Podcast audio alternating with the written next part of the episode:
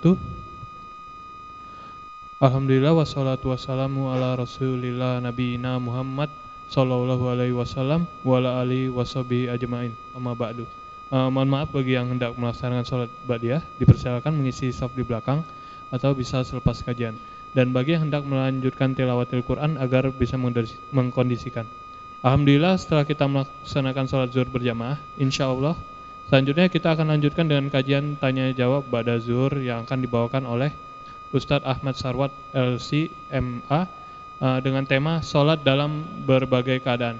Uh, Alhamdulillah Ustadz telah hadir di tengah-tengah kita. Jazakallah khairan khosiran pada Ustadz. Sebelum mulai kajian, dimohon kepada para jamaah untuk merapatkan barisan ke depan agar saudara-saudara kita yang hadir belakang bisa sholat berjamaah di belakang. Bagi jamaah yang ingin bertanya bisa secara langsung maupun online, yaitu melalui link mtxl.or.id/tanya dan silakan memvote pertanyaan-pertanyaan melalui link tersebut yang akan ditanyakan berdasarkan urutan vote.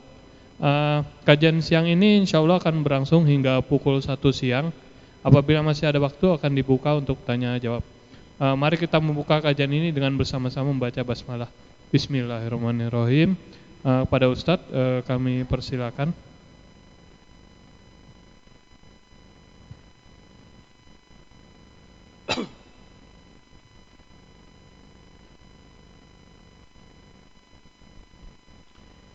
Bismillahirrahmanirrahim. Assalamualaikum warahmatullahi wabarakatuh. Alhamdulillah wassalatu wassalamu ala rasulillah Nabiyyina Muhammadin ibn Abdullah Wa ala alihi wa sahbihi wa man tabi'ahu wa nasarahu wa wala. Amma ba'du. Hadirin jamaah yang dirahmati Allah uh, Tema tentang solat dalam berbagai keadaan ini sebenarnya sudah sering ya terulang-ulang. Namun memang uh, bisa jadi ada hal-hal yang luput, yang terlewat atau ada detail-detail yang memang masih harus di uh, lebih di apa lebih dieksplorasi lebih jauh gitu ya. Uh, cuma saya mungkin diberi kesempatan memaparkan 10 menit saja di awal Selebihnya nanti kita langsung uh, tanya jawab dengan pertanyaan online yang sudah ya dihimpun hari ini ya. Uh, jamaah sekalian, uh, sholat dalam berbagai keadaan itu maksudnya adalah sholat lima waktu. Yang mana sholat lima waktu itu uh, nanti ini begitu kita meninggal yang ditanya atau yang dievaluasi itu kan sholat lima waktu. Hadisnya itu tegas Inna awwala ma yuhasabu bihil abdu min amalihi yaumal qiyamati as-sholah. Yang pertama kali akan dievaluasi dari amal seorang hamba begitu nanti ada yaumul hisab, ilmu eh, hari perhitungan. Itu yang pertama dievaluasi itu sholat lima waktunya dulu. Dan belum bicara tentang yang sunnah-sunnah, itu belakangan. Yang penting begini, lima waktu itu terisi atau tidak apa itu namanya absennya. Ibaratnya gini Pak, kalau ini perkuliahan, dosen saya almarhum Profesor Kiai Ali Mustafa Yaakob itu almarhum, beliau bilang begini, tilka asyaratun kamilah. Kuliah minimal ikut 10 kali. Kalau kurang dari 10 tidak ada maaf bagimu. Nggak lulus dari awal. Nah, gitu. Kenapa? Anda itu mau belajar tapi kok nggak mau datang itu maksudnya apa gitu kan? Nah, padahal perkuliahan itu totalnya 16 pertemuan, minimal harus 10. Nah, tilka asyaratun kamilah, itu 10 harus sempurna. Nah, untuk yang kita sama Allah nih, sholat, ya itu yang lima waktu itu yang harus sempurna, tidak boleh tidak. Antum mau tahajud lama 2 jam, boleh. Tapi tahajud 10 menit boleh dan tidak tahajud pun tidak apa-apa. Kenapa? Tahajud bukan bukan rukun Islam. Begitu juga duha, begitu juga qobliyah, ba'diyah, apalah semua itu itu boleh ada boleh tidak. Tapi yang lima waktu itu tidak boleh tidak. Harus ada absennya harus terisi. Kalau tidak, ah itu urusannya jadi panjang. Karena yang akan diabsen atau ditanya itu lima waktu itu klop keisi apa enggak. Masalahnya jamaah sekalian, uh, ini kan judulnya sholat dalam berbagai keadaan. Mungkin kalau keadaan normal kayak gini nih Pak, ini kita ya jam 12 istirahat sholat di sini, nanti asar sholat, nanti maghrib sholat gitu kan. Masalahnya kadang-kadang kita berada pada kondisi-kondisi yang kita nggak bisa uh, apa namanya mengantisipasinya dengan baik. Misalnya di kendaraan, di pesawat, di kereta, di tengah kemacetan, di tengah deadline, di Uber-Uber sama polisi mau di OTT dan sebagainya lah begitu ya. Nah itu itu ribet itu urusannya. Apalagi kita di Jakarta, pulang kantor jam berapa? Jam 5 sore, macet nggak karu-karuan. Ini kita mau bagaimana sholatnya ini? Nah ini yang perlu kita ketahui. Agar jangan sampai begini, kita merasanya sudah aman, kita merasanya sudah sholat, sudah jadi orang beriman lah pokoknya begitu. Ternyata di akhirat hisapnya nggak sesuai dengan ekspektasi kita. Nah itu yang kita tuh nanti nangis bombay di situ pak tuh. Dan nggak bisa bilang begini ya malaikat tahu gitu mas saya kemarin sholat tuh e, bisa nggak balik lagi ke dunia? Kagak bisa kata malaikat. Enak aja ini one way ticket nggak ada balik lagi ceritanya. Oleh karena itu yang harus kita ketahui jangan sampai nanti di akhirat kita ujuk-ujuk jadi uh, apa jadi nyesel nggak karu-karuan tuh ya kita harus tahu begini.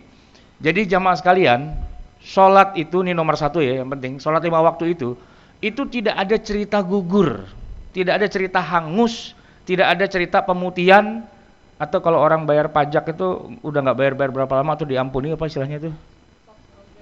Ah, tax amnesty. Tidak ada amnesti dalam sholat lima waktu. Itu poin penting banget yang orang banyak keliru tuh di situ. Dia pikir, dia pikir kalau udah kebanyakan lewat dari sholat dan kalau udah lupa, berarti malaikat juga lupa dan Allah juga lupa. Oh itu sirik gitu. Sirik pak, menganggap Allah itu lupa dan malaikat lupa. Enggak bener banget itu.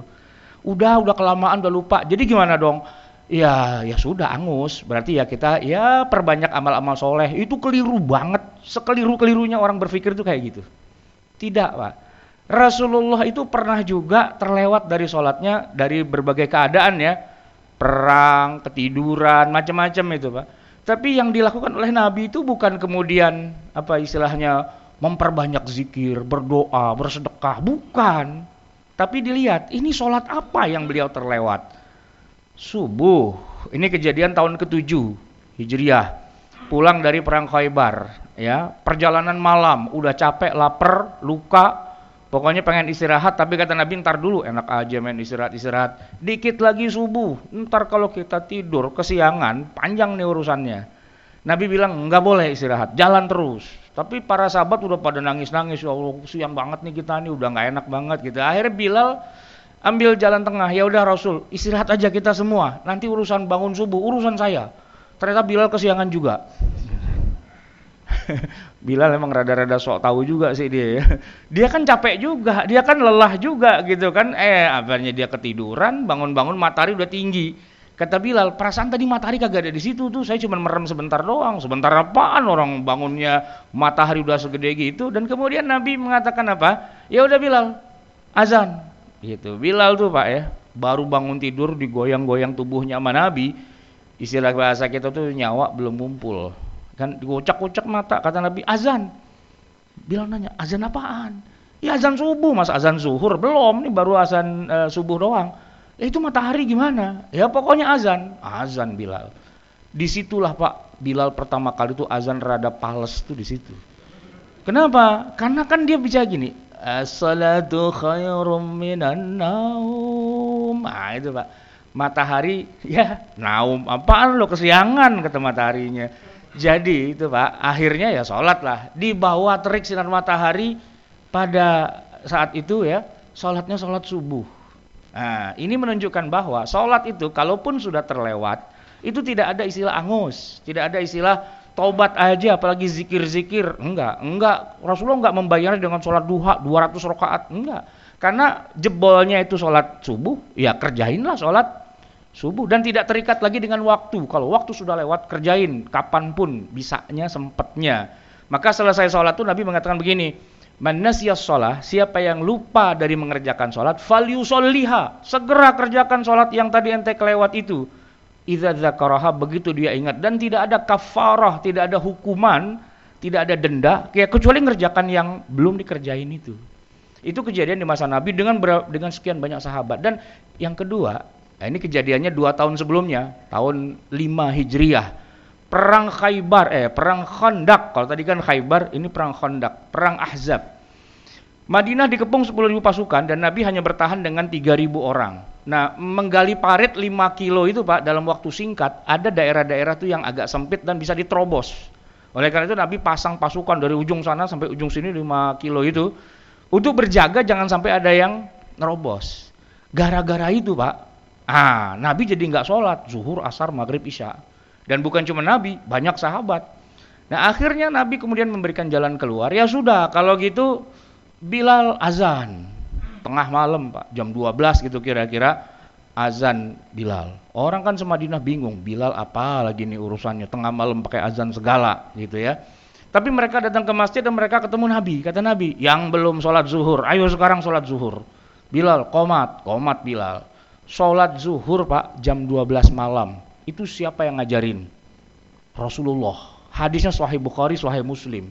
Jangan bilang nggak ada dalilnya, itu Sahih Bukhari. Enak aja main bilang nggak ada kodok-kodok sholat. Enak aja ngomong sembarangan. Belajar sama siapa?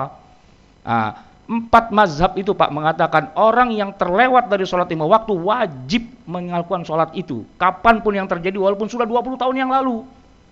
Jangan dianggap enteng itu. Hanafi, Maliki, Syafi'i, Hambali, ijma seluruhnya mengatakan wajib. Tidak ada satupun ulama yang bilang nggak wajib. Nggak ada.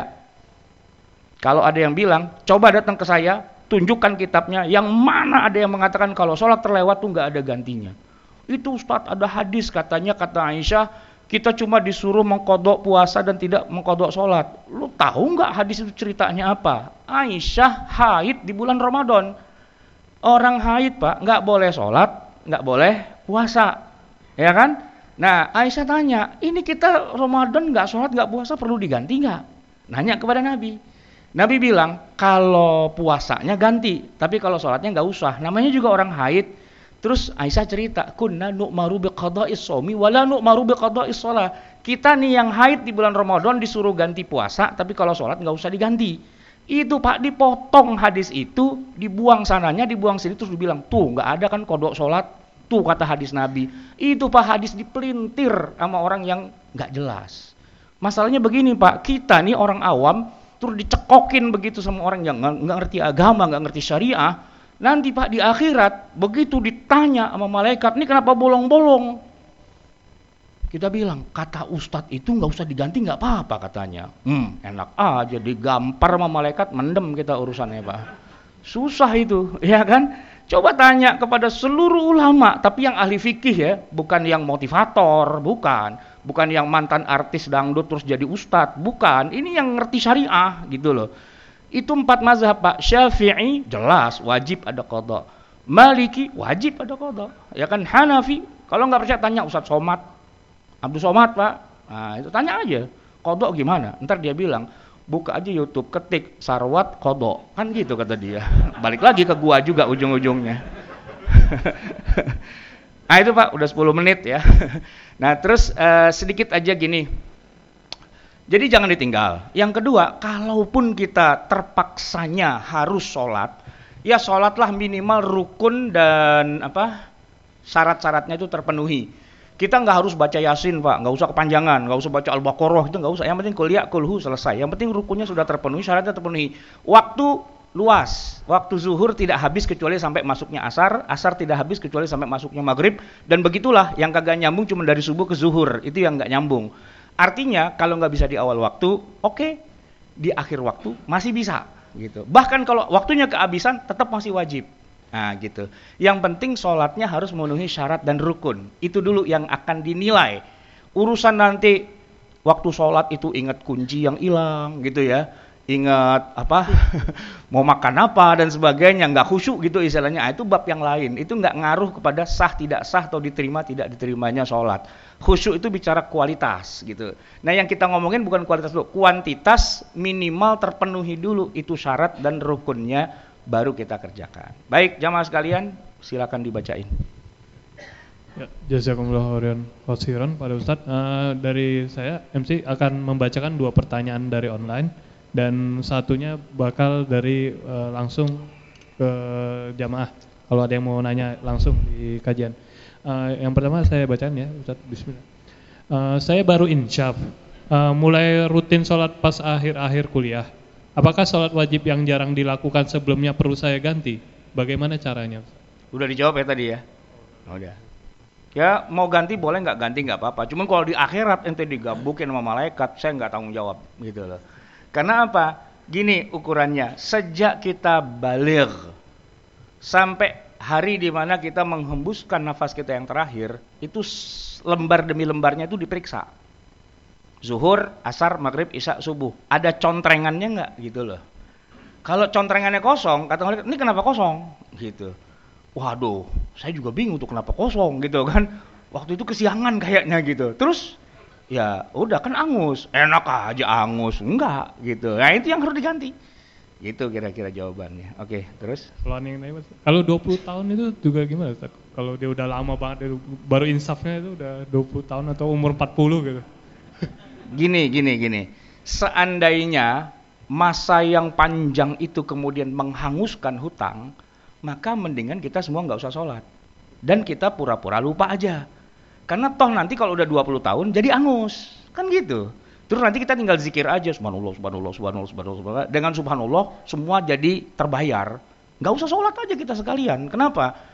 Toh asalkan udah lama 20 tahun kan syaratnya 20 tahun kan? Kalau udah 20 tahun itu ada pemutihan. Gitu. Nah, itu hadis palsu, rohahu orang geblek gitu bang. Enggak bener, siapa yang ngajarin kayak gitu? Kalau udah 20 tahun terus jadi pemutihan? Enggak tidak ada pemutihan-pemutihan, ya tetap akan diminta pertanggungjawaban. Jadi banyak dong. Ya terserah ente mau banyak mau enggak, ya itu hitung aja sendiri. Karena Pak, orang balik itu langsung wajib sholat. Gitu loh. Makanya ada kemarin orang mau masuk agama Islam, saya bilang begini, ente mau masuk agama Islam, ini begitu ente syahadat, ente wajib sholat loh sekarang. Oh gitu? Lah iya. Kalau sholatnya entar-entar aja gimana? Ya syahadatnya entar-entar aja, jangan sekarang. gitu. Kalau keburu mati, ya rasain gitu kan. Ya, artinya begini, begitu tet masuk argo, Pak. Kalau orang kafir nih bahasa syahadat, argonya di situ mulai. Kalau kita argonya kapan? Begitu balik gitu. Nah, makanya kalau nggak mau sholat nggak usah balik gitu loh. Jangan balik-balik gitu loh, ya kan? Nah itu gitu. Atau kalau nggak nih, kan ada empat yang tidak wajib. Pertama anak kecil, sebelum balik dia nggak wajib, nyantai. Yang kedua orang kafir, jadi orang kafir aja gitu loh, jangan jadi orang Islam. Jadi nggak wajib sholat di dunia, di akhirat urusannya beda nanti, ya kan? Yang ketiga, perempuan yang lagi haid atau lagi nifas. Nifas aja. Jadi kan nggak wajib sholat, gitu. Tapi di antara pilihan-pilihan itu yang paling gampang itu yang nomor empat. Jadi orang gila. Yeah. Yeah. Gila itu asik banget pak. Semua perintah nggak wajib, semua larangan nggak dilarang. Pak, orang gila itu boleh menyembah berhala itu boleh gitu. Dan nggak dilarang berzina, mabok, ah boleh lah pokoknya enak pak jadi orang gila itu ya kan. Jadi alternatif paling mudah itu daftar aja jadi orang gila tuh selesai udah gitu. Tapi di luar dari empat orang itu muslim, balik, akil gitu ya, itu wajib sholat. Kalaupun dia telat, ya dia harus ganti. Itu aja poinnya. Oke. Okay. Uh, eh, yang kedua, uh, pas sholat HP kelupaan di silent posisi HP ada di dalam tas dari, di dekat tembok. Mesti dimatiin atau tetap dibiarin aja Ustadz? Takut banyak gerak, sholat batal. Tasnya, eh HP-nya dalam tas, tasnya taruh di? Di, di dalam tas, di tembok. Dekat kita sholatnya tembok. jauh sama tembok? Iya jauh.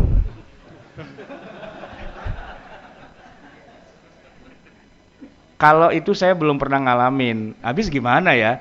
Tapi kalau jadi imam HP saya bunyi itu pernah Malah konyolnya begini Pak, sebelum mulai sholat, rapatkan dan luruskan, mohon alat komunikasi dimatikan untuk menjaga kekhusyuan kita semua. Pada matiin kan? Begitu Allahu Akbar, HP saya bunyi, nge, ya. Saya pura-pura nggak -pura dengar mana bunyi itu, mana lagunya lagu dangdut lagi kan? Aduh, kagak enak banget gitu loh. Ya jadi itu musibah lah itu kira-kira kayak gitu ya. Makanya nggak salah kalau HP itu kita taruh di kantong. Begitu dia bunyi, nggak apa-apa kita ambil, kita matiin. Syaratnya cuma satu, HP milik kita sendiri. Sebab kalau kalau HP boleh minjem pak ini matinya yang mana nih? Ah itu repot gitu loh. Kalau HP kita kan kita tahu nggak usah nggak usah dikeluarin di kantong aja kita pencet-pencet net. Ah mati dia gitu kan. Tapi kalau HP HP boleh minjem ah itu susah nih matinya yang mana gitu. Jadi ya agak ribet sedikit. Tapi intinya begini boleh mematikan HP ketika sholat ketika matiinnya nggak perlu jalan ke belakang ke mana-kemana. Ya dengan gerakan misalnya di ditaruh di depan gitu kan terus dia bunyi boleh kita ambil begitu kita matiin gitu ya kita taruh lagi boleh nggak masalah. Tapi jangan sujud jangan duduk di antara dua sujud. Nah itu melanggar. Ngambil aja begitu set begitu. Bisa nggak sih gerakannya sambil sambil berdiri ini ini apa ini?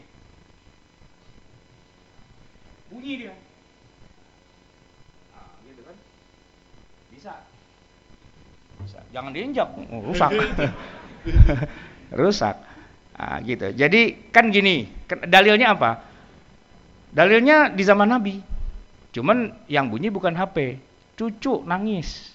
Nah, cucunya Nabi Umamah binti Zainab dibawa Nabi, dibawa sama Nabi, Nabi kan jadi imam tuh. Digendong, eh dia nangis. Sama Nabi digendong. Begitu digendong diam, ditaruh nangis lagi, digendong lagi. Nah, itu kiasnya dengan HP zaman sekarang tuh, Pak. Wah, cucu nangis nih oh HP gitu kan matiin ya silakan apa lagi Alhamdulillah uh, dari jamaah ada yang mau bertanya iya silakan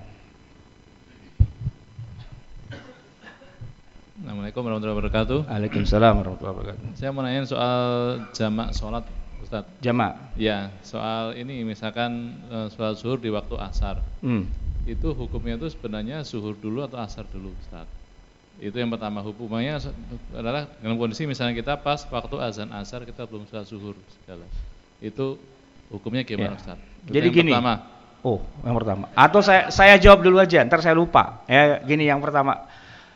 Aslinya sholat tuh harus urut. Kalau zuhur sama asar mau mau jamaknya takdim, mau jamaknya takhir itu aslinya urut. Tetap zuhur dulu baru asar walaupun di waktu asar. Aslinya begitu. Cuma kalau jamak takhir boleh kebalik. Boleh kebalik. Khususnya kalau ada alasannya untuk kebalik. Misalnya gini Pak, kita naik kendaraan nih keluar kota ya. Kita jamak takhir deh. Begitu kita lihat masjid, cakep nih masjid kan. Ah, berhentilah sholat asar kita di situ. Pas orang di situ lagi pada sholat asar. Nah, kita sholatnya zuhur dulu apa asar dulu? Kita asar dulu aja. Habis itu baru kita zuhur. Itu boleh kalau jamak takhir. Tapi kalau jamak takdim, apa urusannya jadi asar dulu baru zuhur, ya kan? Ya jamak takdim kan di waktu zuhur, ya zuhur dulu. Kenapa asar dulu, asar dulu? Lah kan ini zuhur. Enggak, biar dibalik aja biar keren. Ya enggak gitu. Enggak, ya tetap zuhur dulu baru asar, gitu ya. Itu satu catatan. Yang kedua begini Pak, ini hanya boleh dalam safar yang tidak ada maksiatnya. Safar yang halal nggak harus yang ibadah sih, yang halal lah begitu. Tapi kalau safarnya itu maksiat, itu nggak dapat fasilitas. Misalnya begini Pak, rombongan perampok mau ngerampok di luar kota, gitu kan, di Bandung, gitu ya.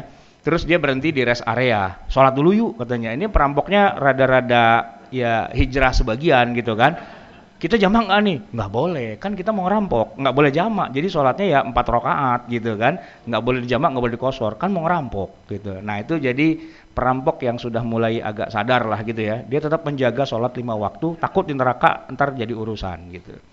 Oke, ada lagi? Yang kedua? Satu lagi, maaf. Yang ah. kedua, kalau kondisinya asar ke zuhur, Ustaz. Nah itu apakah habis zuhur itu harus langsung sholat asarnya, di jamak tadimnya, atau istilahnya pilih zikir-zikir dulu baru menjamak takdim. Itu salah. Kalau jadi gini, tidak boleh dijeda dengan sholat yang lain. Ya, kan zuhur tuh ada ba'diyah. Ah, kita mau jamak sekalian dengan asar. Habis zuhur jangan ba'diyah gitu loh. Habis zuhur ya langsung asar aja kerjain. Tapi kalau misalnya uh, kepotong dengan misalnya ya, wah batal, mau wudhu lagi, wudhu aja dulu gitu kan atau kebetulan HP bunyi jawab aja dulu gitu kan artinya jedanya jangan terlalu jauh jangan pakai nongkrong dulu lama gitu kan woi ayo sobat jangan takhir ini tanggung nih gitu kalau kebeletnya ya kebelet banget sih nggak apa-apa tapi kalau makan dulu, pulang dulu, tidur dulu dan sebagainya, itu nggak jadi jamak itu kayak gitu. Jadi bolehlah ada sedikit zikir misalnya astagfirullah, astagfirullah, astagfirullah gitu kan. Satu menit, dua menit, tiga menit terus kita jamak masih mungkin gitu, masih boleh. Kepotong dengan jeda yang tidak terlalu jauh. Tapi jangan ada sholat yang lain misalnya ada bakdia atau ah saya sholat uh, tahiyatul masjid dulu ah gitu.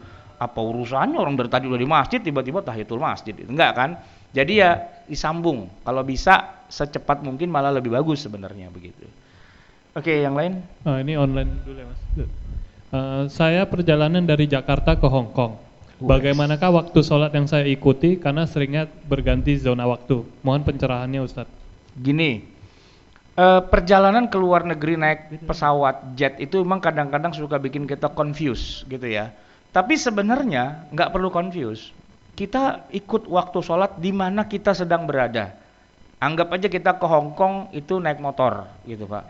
Misalnya gitu ya kan, naik motor. Set, itu juga akan terjadi perubahan waktu cuman nggak ekstrim gitu. Karena kan kalau naik pesawat ke Hong Kong berapa jam nih misalnya 4 jam, 5 jam. Emang terasa langsung wah terjadi ke confuse gitu ya.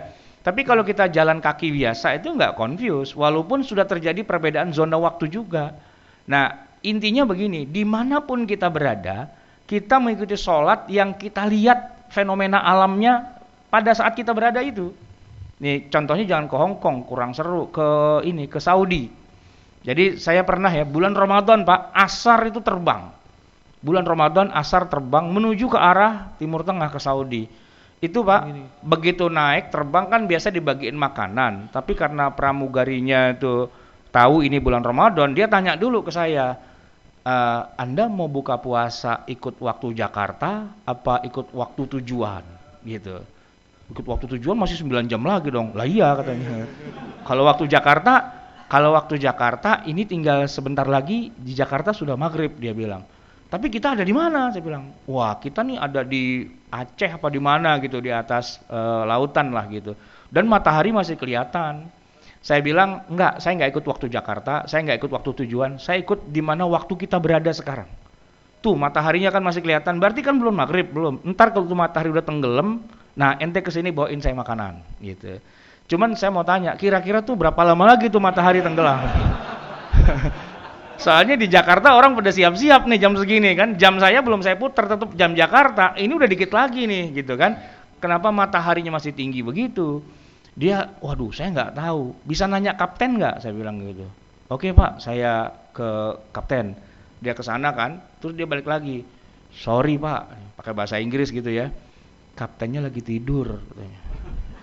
Ini kapal sampai sampai nyopir nih bilang kapten tidur ada-ada aja.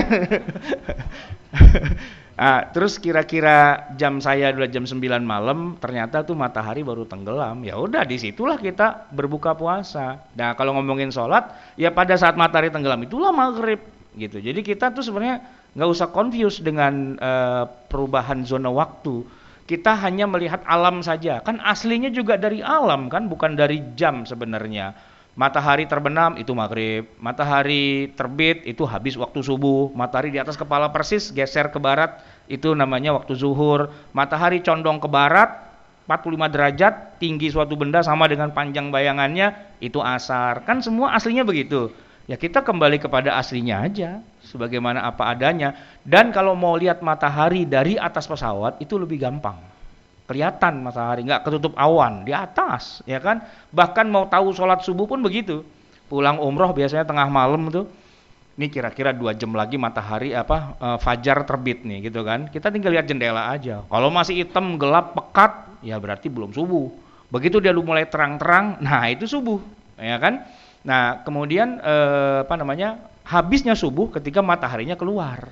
Itu kan sebenarnya fenomena alam itu lebih mudah dilihat ketika kita ada di atas pesawat. Malah saya lebih suka di atas pesawat. Udah nggak penting lagi jam. Kenapa? Jam itu kan tergantung lokasi kita di mana. Sedangkan kita sekarang lagi ada di atas ketinggian sekian ribu kaki itu ya. Itu nggak tahu kita ada di mana. Ya maksudnya nggak tahu nih sekarang jadwal sholat lokal setempat itu jam berapa. Itu kan nggak ketahuan. Tapi dengan melihat langsung matahari selesai urusan. Oke. Okay. Uh, eh, pernah pas sholat lihat orang uh, maaf pantatnya kelihatan pas hmm. sujud karena pendek kaosnya. Hmm. Apakah sholat dia batal walaupun dia nggak tahu kalau aurat terbuka? Iya, orang kalau kan syarat dari sholat itu kan di antara syarat-syarat sahnya itu ya menutup aurat. Nah kalau auratnya kebuka di tengah-tengah sholat dan nggak segera dia tutup, maka itu jadi batal. Maka eh, kalau dia yang jadi imam, ya kita harus mufarokoh, berhenti jadi makmumnya dia. Karena kalau kita tetap jadi makmum padahal kita tahu dia udah batal, sholat kita pun jadi batal. Karena pada dasarnya tidak boleh sholat bermakmum kepada orang yang sudah batal. Nah gitu. Kecuali kalau dia dalam jangkauan dan kita bisa jambak kaosnya kita tarik surat. Ah, aurat nih gitu. Oh iya sukron. Nah tapi batal juga karena ngomong. Iya. Ya kalau kita bisa tutupin gitu nggak apa-apa. Tapi kan masalahnya kalau imamnya tahu di mana, lagian lihat aja sih tuh imam kayak gitu. Iseng banget sih. Oke, terus. Uh, Assalamualaikum Ustaz. Uh, yang melanjutkan yang tadi sholat di kodok. Hmm. Umpamanya kan kita tahu kita dulu mungkin ada sholatnya uh, bolong-bolong gitu, hmm. tapi kita lupa yang mana saja gitu. Iya. Nah tata pelaksanaan seperti apa ya kalau kita mau kodok saat ini gitu? Apakah sholat subuh kita kita asumsikan kita dulu sholat subuhnya lupa gitu. Nah pas sholat subuh yang saat ini juga kita tambah, kita kita kita kodok gitu Ustaz. Jadi jurusnya itu ada dua. Pertama e, kalau ada yang lewat ya, kita kan udah lupa tanggal berapa, jam berapa dan sebagainya. Kita udah lupakan saja itu kapan kejadiannya. Yang penting nih, yang penting berapa jumlah utang. Bukan tanggal berapa yang utangnya, nggak penting gitu loh. Yang penting utangnya ada berapa, kan gitu. Setelah itu tinggal kita lakukan pembayaran. Nah, masalah pembayaran ya itu sama sekali nggak ada kaitannya dengan waktu, dengan jam, dengan waktu sholat, nggak ada. Tadi Nabi ketinggalan subuh, jam berapa beliau bayar? Duha, ya kan? Ah, ketinggalan zuhur, asar, maghrib, isya, jam berapa beliau bayar? Jam 12 malam. Artinya sudah tidak ada uh, batasan waktu, timeless gitu. Yang penting jumlah, nah gitu. Nanti masukin ke kotak-kotaknya itu urusan malaikat gitu. Lu utang lu 100, mana? Ini ada 100. Nah, ntar malaikat yang masuk-masukin ke kotak-kotaknya. Kita nggak usah bilang yang ini buat yang ini, yang ini buat yang ini nggak usah. Yang penting jumlahnya itu klop gitu aja. Nah, teknisnya berarti sederhana. Gini nih, mau sholatnya dihitung per hari bisa. Jadi sholat aja zuhur 4 rakaat, ya. Terus selesai salam ya, sholat lagi asar 4 rakaat. Salam, sholat lagi maghrib 3 rakaat. Salam isya 4 rakaat. Salam subuh dua rakaat. Kan satu paket tuh lima waktu kan? Itu Pak bisa dikerjakan dalam waktu lima menit, 10 menit. Asal bacanya jangan Yasin, jangan Al-Baqarah, kuliah, kulhu, itu ayat gacoan. Udah, yang penting rukun-rukunnya itu udah dapet gitu kan? Dah, 10 menit dapat satu hari. Nah, kalau kita punya waktu banyak daripada kita bengong nggak jelas main game atau nonton Netflix dan sebagainya, ah sholat ah gitu kan. Nah, tapi begini yang harus kita ketahui, tadi tuh angkanya berapa tuh harus kita kunci dulu berapa total utang kita. Jadi kita bikin jurnal, ya, bikin jurnal. Eh, misalnya berapa nih uh, kita udah appraisal ya, kita kita kira-kira tuh berapa ya? Oh, misalnya 100 gitu kan, 100 hari kita ngutang. Oke, bikin dari 1 sampai 100. Nah, dibelah-belah zuhur, asar, maghrib, isya, subuh, zuhur, asar, maghrib itu kan. Jadi begitu kita sholat zuhur selesai contreng, gitu kan. Alhamdulillah sudah satu kali bayar masih kurang 99 gitu kan? Nggak apa-apa ntar sholat lagi contreng lagi. Biar catatannya ada ada progress report. Jangan begini utang 100 baru ngerjain 20 kayaknya udah mau selesai gitu. Ya jangan gitu. Karena nggak ada catatannya. Catat itu ya kan? Tapi saya pesan satu ya. Jangan narok sembarangan catatan itu di rumah Nanti kalau anak kita iseng dibaca gitu kan, "Wuh, banyak banget utangnya." Wah, itu kagak enak sama anak kita itu, urusan jadi panjang itu. Taruh di berangkas gitu ya, atau taruh di freezer, jangan ketahuan orang gitu ya. jadi dengan itu maka kita mengamalkan perintah Umar bin Khattab radhiyallahu anhu, "Hasibu anfusakum." Hitung-hitunglah diri kamu qabla an tuhasabu sebelum kamu yang dihisap nanti di yaumil qiyamah. Kan gini Pak, biasanya akhir tahun tuh ada malam muhasabah Nah, muhasabah tuh keren pak, ya menghitung-hitung diri. Cuman dia nggak tahu rumus ngitungnya gimana gitu kan. Akhirnya cuma nangis-nangis doang. Karena kan motivatornya pinter, lampu digelapin, kasih musik, ya kan? Wah, jadi orang terbawa. Musiknya itu instrumentalia, lagunya Kenny G. Nah, tahu nggak G itu apa? Gondrong, ya. G kan gondrong dia. Ah, itu jadi nangis-nangis pak. Wah, nangis-nangis lagi. Tapi habis nangis terus apa? Bentuk realnya nggak ada. Dia nggak tahu cara ngitung dosanya dia apa. No, sholat lu berapa utang? Puasa berapa utang? Itu yang harus dibayar. Bukannya cuma nangis-nangis. Wah, ustadznya mantap, kita nangis semua. Terus ya udah, udah selesai nangisnya. Ya udah, cuma bengap-bengap doang. Lah utang bagaimana urusannya itu? Nah, itu kan harusnya begitu kan. Jadi muhasabah itu ngitung-ngitung utang sebenarnya Maksudnya begini, kalau saya mati sekarang, urusan saya panjang nih, apa yang harus saya lakukan? Kan begitu seharusnya. Jadi hitung berapa jumlahnya, terus bikin rencana pembayaran. Nah, gitu. Asal bisa, Pak, jangan mati dulu sebelum kebayar. Kalau bisa jangan mati dulu, gitu loh. Karena lagi pembayaran belum belum lunas gitu, Pak. Tiba-tiba Israel datang, nyok, ya Israel pakai datang lagi ini belum selesai pak gitu. Ya nggak bisa kata Israel ayo udah waktunya gitu. Jadi upayakan tuh terbayar dulu semua. Kalau sudah terbayar ya mau mati matilah gitu ya. Tapi kalau bisa jangan mati dulu sebelum kebayar itu semua. Baik. Uh, ini karena udah jam satu. Uh, ini uh, pertanyaan terakhir ya, ya. Uh, dari online. Uh, Ustadz anda sedang sholat sunnah lalu ada yang nepuk jadi makmum yang ngira sholat fardu sebagai imam rokaat satu dua bacaan fatihah syir apa jar? E, jelas apa samar? Gini pak. Ini saya harus menjelaskannya dengan empat mazhab. Empat mazhab itu terpecah dua. Tiga mengatakan tidak boleh ada orang bermakmum dengan imam yang niatnya nggak sama dengan niatnya si makmum. Jadi antara imam dan makmum niatnya harus sama Nah imam kan sholatnya itu dia sendirian, awalnya kan dia sendirian, sholatnya ba'diyah maghrib gitu misalnya. Ba'diyah maghrib pak itu jahar pasir. Sir, berapa rakaat? Dua. Eh dicowel sama orang yang mau sholat maghrib. Ini mak makmumnya mau sholat maghrib. Berapa sholat maghrib? Kan tiga buat makmum. Ini gimana? Apakah imam berubah jadi sholat maghrib? Apa dia tetap dengan sholat ba'diyah? Nah, ini pak kalau menurut tiga madhab itu tidak sah. Harus ada kesepakatan antara imam dan makmum. Kita mau sholat apa? Itu harus ada apa e, eh, MOU di awal, gitu. Tapi kalau dalam satu mazhab yaitu mazhab Syafi'i, oke okay, bebas. Imam itu boleh sholat apa pun dan makmum boleh niatnya sholat yang lain. Itu nggak ketemu nggak apa-apa. Persis seperti uh, apa namanya orang Yunani mengatakan mensana in corpore sano. Imam mau ke sana, makmum mau ke sono, itu nggak ngaruh gitu loh. Bebas gitu kan. Maka kalau udah begitu Pak, saya nih jadi lagi sholat ba'diyah dua rakaat sir, dicoel sama orang, terserah lu mau coel kayak mau enggak kayak mau jadi makmum mau enggak, saya mau sholat ba'diyah makmum nggak bisa bilang, woi sholatnya dikerasin, gitu jadi makmum nih gitu. Kagak, lu mau sholat apaan? Maghribnya gue sholat ba'diyah gitu. Salah sendiri kenapa tadi datang telat kan gitu ya. Jadi tidak harus e, antara imam dan makmum itu sepakat sholatnya sholat apa karena masing-masing boleh sholat dengan tujuan yang berbeda-beda. Yang tidak boleh itu kalau begini, gerakan dasar imam berbeda dengan gerakan dasar makmum. Orang lagi sholat jenazah pak, tiba-tiba main cowel aja gitu. Nah ini jadi ribet nih urusannya ya kan. Orang sholat jenazah kan nggak pakai ruku nggak pakai sujud ya kan. Tiba-tiba salam aja, assalamualaikum warahmatullah, assalamualaikum warahmatullah kan gitu ya. Makmu bilang, woi sujud ruku. Lu gak tahu ada jenazah nih, gue lagi sholat jenazah main cowel-cowel aja nggak bisa itu pak gitu ya. Nah itu aja. Tapi kalau uh, sholatnya yang gerakan dasarnya sama, nggak masalah. Ini contoh yang paling sering tuh kasusnya bukan habis maghrib Sholat terawih pak, terawih di masjid. Kita datang telat. Ini sholat udah udah terawih udah mulai. Kita masuk masjid belum sholat isya.